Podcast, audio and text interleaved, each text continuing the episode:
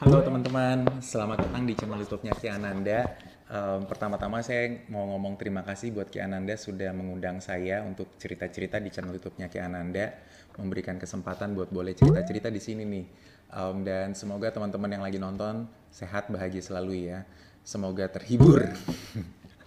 um, Ki Ananda kemarin DM saya, terus saya disuruh cerita gitu ya. Saya juga nggak pede-pede banget buat bercerita karena saya juga buka saya cuman seorang mas-mas biasa gitu. Jadi um, dan temanya juga bebas. Jin kalau ngomongin bebas kan bingung ya. Akhirnya ya udah deh saya ngomongin apa yang jadi kegelisahan bagi diri saya gitu.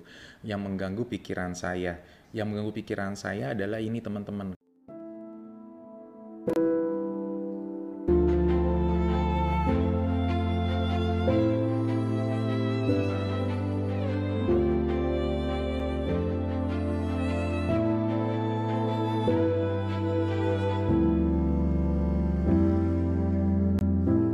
saya sempat memiliki salah kaprah terhadap keinginan.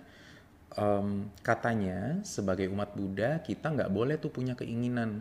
Keinginan itu karena bisa meng menghambat perjalanan kita untuk menjadi um, sotapana atau mencapai nibana atau uh, keinginan itu sumber penderitaan. Wah banyak deh pokoknya deh pikiran-pikiran um, saya yang salah gitu tentang keinginan. Kok bisa salah? Iya salah karena setiap kali saya memiliki keinginan apa pun itu, apalagi saya masih muda waktu itu ya, saya masih SMP, SMA, kuliah gitu, awal-awal kerja, usianya masih 20 tahunan gitu, 20 tahunan awal, sekarang kan 20 tahun plus 10 tahun, jadi udah 30 tahunan. Um, saya ngerasa setiap hari saya berdosa karena ya teman-teman pikir aja deh, masa iya sih kita setiap hari nggak punya kepinginan. Tadi saya keinginan makan minum boba mixwe, um, waktu itu apalagi masih kuliah gitu kan. Bentar-bentar kepingin makan gado-gado bentar-bentar kepingin belajar bentar-bentar kepingin nongkrong bentar-bentar kepingin bolos kepingin wah macem-macem banget. Kepingin main bola kepingin pacaran banyak banget kepinginannya. Dan dan setiap kali saya merasa itu tuh saya selalu merasa khawatir saya merasa takut saya merasa uh, apa namanya berdosa gitu. Jadi bukankah pikiran-pikiran khawatir, takut berdosa itu udah merupakan sebuah karma buruk ya buat saya yang sudah saya lakukan pada waktu itu gitu. Tapi memang kadang-kadang um, dan saya kan nggak bukan orang yang benar-benar membaca literatur atau literasi dari Tipitaka gitu. Saya lebih banyak mendengarkan. Um, memang kita sebagai umat Buddha harusnya membaca gitu ya dan uh, ya sudah saya waktu itu memang keterbatasan bukan keterbatasan saya malas membaca. Sampai akhirnya um, semesta begitu baik jawabannya tuh datang. Tapi setelah beberapa belas tahun kemudian yang mana tuh datang di di beberapa tahun terakhir nih mungkin 4-5 tahun terakhir gitu saya baru temukan jawabannya. Ternyata teman-teman yang saya pikir waktu itu bahwa kalau umat Buddha nggak boleh punya keinginan, umat Buddha itu keinginan itu sumber penderitaan, itu tuh pandangan keliru ternyata sebetulnya.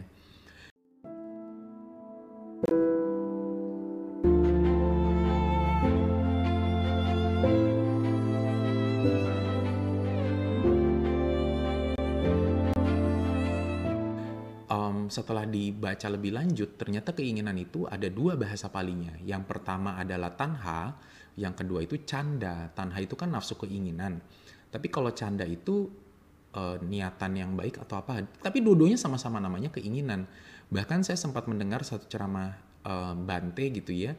Keinginan tuh kurang lebihnya, ini mohon maaf kalau saya ada salah nanti boleh komen gitu ya, dibenarkan yang tahu lebih detail. Itu ada tiga ada kama canda, terus ada apa canda, dan terakhir itu ada dama canda kalau nggak salah. Jadi apa sih itu? Um, kama canda itu yang nggak baik memang. Nggak baik itu contoh gimana sih? Contoh adalah saya pengen makan spesifik, makan ayam Kentucky uh, original paha atas dua plus kentang goreng ya. Jangan lupa pakai saus sambal. Nah itu keinginan makannya sih nggak apa-apa tapi keinginan makan sespesifik itu tuh yang bikin menderita. Menderitanya kenapa? Satu kalau nggak dapat kita pasti menderita jelas. Kedua ribet banget kalau tiba-tiba kiri kanan nggak ada KFC kalau tiba-tiba di kiri kanan kita cuman ada sabana fried chicken gitu. Ya itu kan bikin ribet diri kita gitu ya. Udah harganya juga berkali-kali lipat kemudian kalau nggak dapat kita menderita gitu teman-teman. Jadi itulah contoh keinginan yang membuat kita menderita yang kedua itu keinginan wajar nah ini saya juga dapatnya dari uh, yang mulia Bante juga gitu pertama kali saya bertanya bertanya-tanya tentang hal ini karena saya bacain buku buat anak saya di buku itu tuh ada uh, short story gitu Sang Buddha minta minum kepada yang mulia Bante Ananda itu sampai tiga kali. Ananda, aku mau minum. Kata Ananda, e, yang mulia, Sang Buddha sungainya kotor. Lalu Sang Buddha minta lagi sama Ananda, Ananda aku haus, aku mau minum. Dikasih tahu lagi sungainya kotor. Terus minta lagi sampai tiga kali gitu loh. Pas saya baca cerita itu awal-awal tuh yang impresi saya, eh Sang Buddha bukannya udah mencapai penerangan sempurna ya, kok masih buat urusan minum aja nggak bisa sabar dikit sih gitu pikiran saya. Tapi um, akhirnya keajaiban terjadi lah kalau diceritakan itu diambil airnya lalu airnya jadi bersih. Ceritanya kira-kira begitu lalu ada pesan moral dan lain sebagainya. Tapi yang saya mau highlight di sini adalah teman-teman Sang Buddha aja masih kok punya keinginan wajar, keinginan untuk minum. Kalau haus ya minum, kalau lapar ya makan, kalau kebelet ya ke toilet, kalau ngantuk ya tidur gitu. Itu keinginan wajar gitu loh teman-teman. Jadi kalau misalkan kita tiba-tiba kepengen tidur ya nggak apa-apa juga gitu ya ya masa keinginan mau udah gue mau tidur dulu terus eh, eh, eh, kan nggak mungkin gitu itu ternyata itu keinginan wajar dan yang ketiga adalah keinginan untuk menjadi lebih baik kalau nggak salah namanya kama, dama canda kalau nggak salah jadi um, keinginan-keinginan dari dalam diri kita yang efeknya itu bikin kita lebih baik atau yang memotivasi kita untuk jadi lebih baik. Contoh, saya kepingin jadi ayah yang lebih baik, maka itu saya harus um, menjadi manusia yang lebih baik lagi, lebih sabar ke anak saya misalkan. Saya ingin menjadi suami yang lebih baik, jadi saya harus lebih bisa mengayomi istri saya, lebih bisa um, memberikan perhatian misalkan. Saya ingin menjadi anak yang lebih baik, saya harus lebih berbakti kepada ibu saya gitu. Itu keinginan-keinginan yang bikin kita jadi lebih baik. Dan kalau kita baca riwayat hidup Sang Buddha juga sama kok Pangeran Siddhartha meninggalkan istana dan menjadi Buddha diawali dengan keinginan untuk menyelamatkan umat manusia. Dilanjutkan dengan keinginan keinginan mencari obat, keinginan menjadi pertapa, keinginan mencari guru yang terbaik, lalu uh, menjelang uh, pencapaian sempurna, keinginan, tekad kuat, semangat gitu ya. Kasar ngomong nih itu kan bahasa-bahasa yang keren. Kalau kita ngomong pakai bahasa manusia yang kurang pas gitu ya ngotot banget sih nafsu banget. Eh makin nafsu makin gak boleh loh.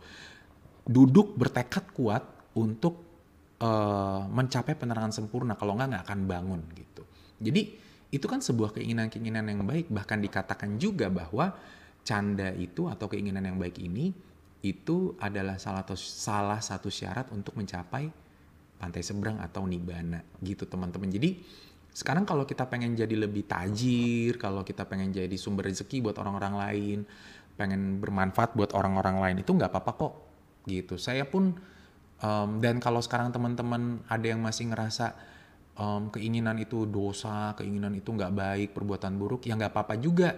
Tapi um, saya bercerita di sini teman-teman, saya pun begitu dan ternyata itu pandangan keliru loh. Itu bikin saya pribadi menderita, bikin saya juga nggak ke mana-mana, bikin saya juga stuck. Saya mau maju malah dibatasi, dikungkung, malah saya khawatir, takut, um, merasa berdosa, merasa wah pokoknya nggak asik banget deh. Jadi sekarang kalau kita punya keinginan untuk jadi lebih baik, keinginan untuk jadi lebih tajir, keinginan untuk jadi lebih apa pun, selama itu uh, hal yang membuat kita jadi lebih baik selama dimulai dengan niatan yang baik kayaknya sah-sah aja dan malah itu baik buat diri kita, perkembangan kita sebagai manusia, baik itu batin maupun jasmani.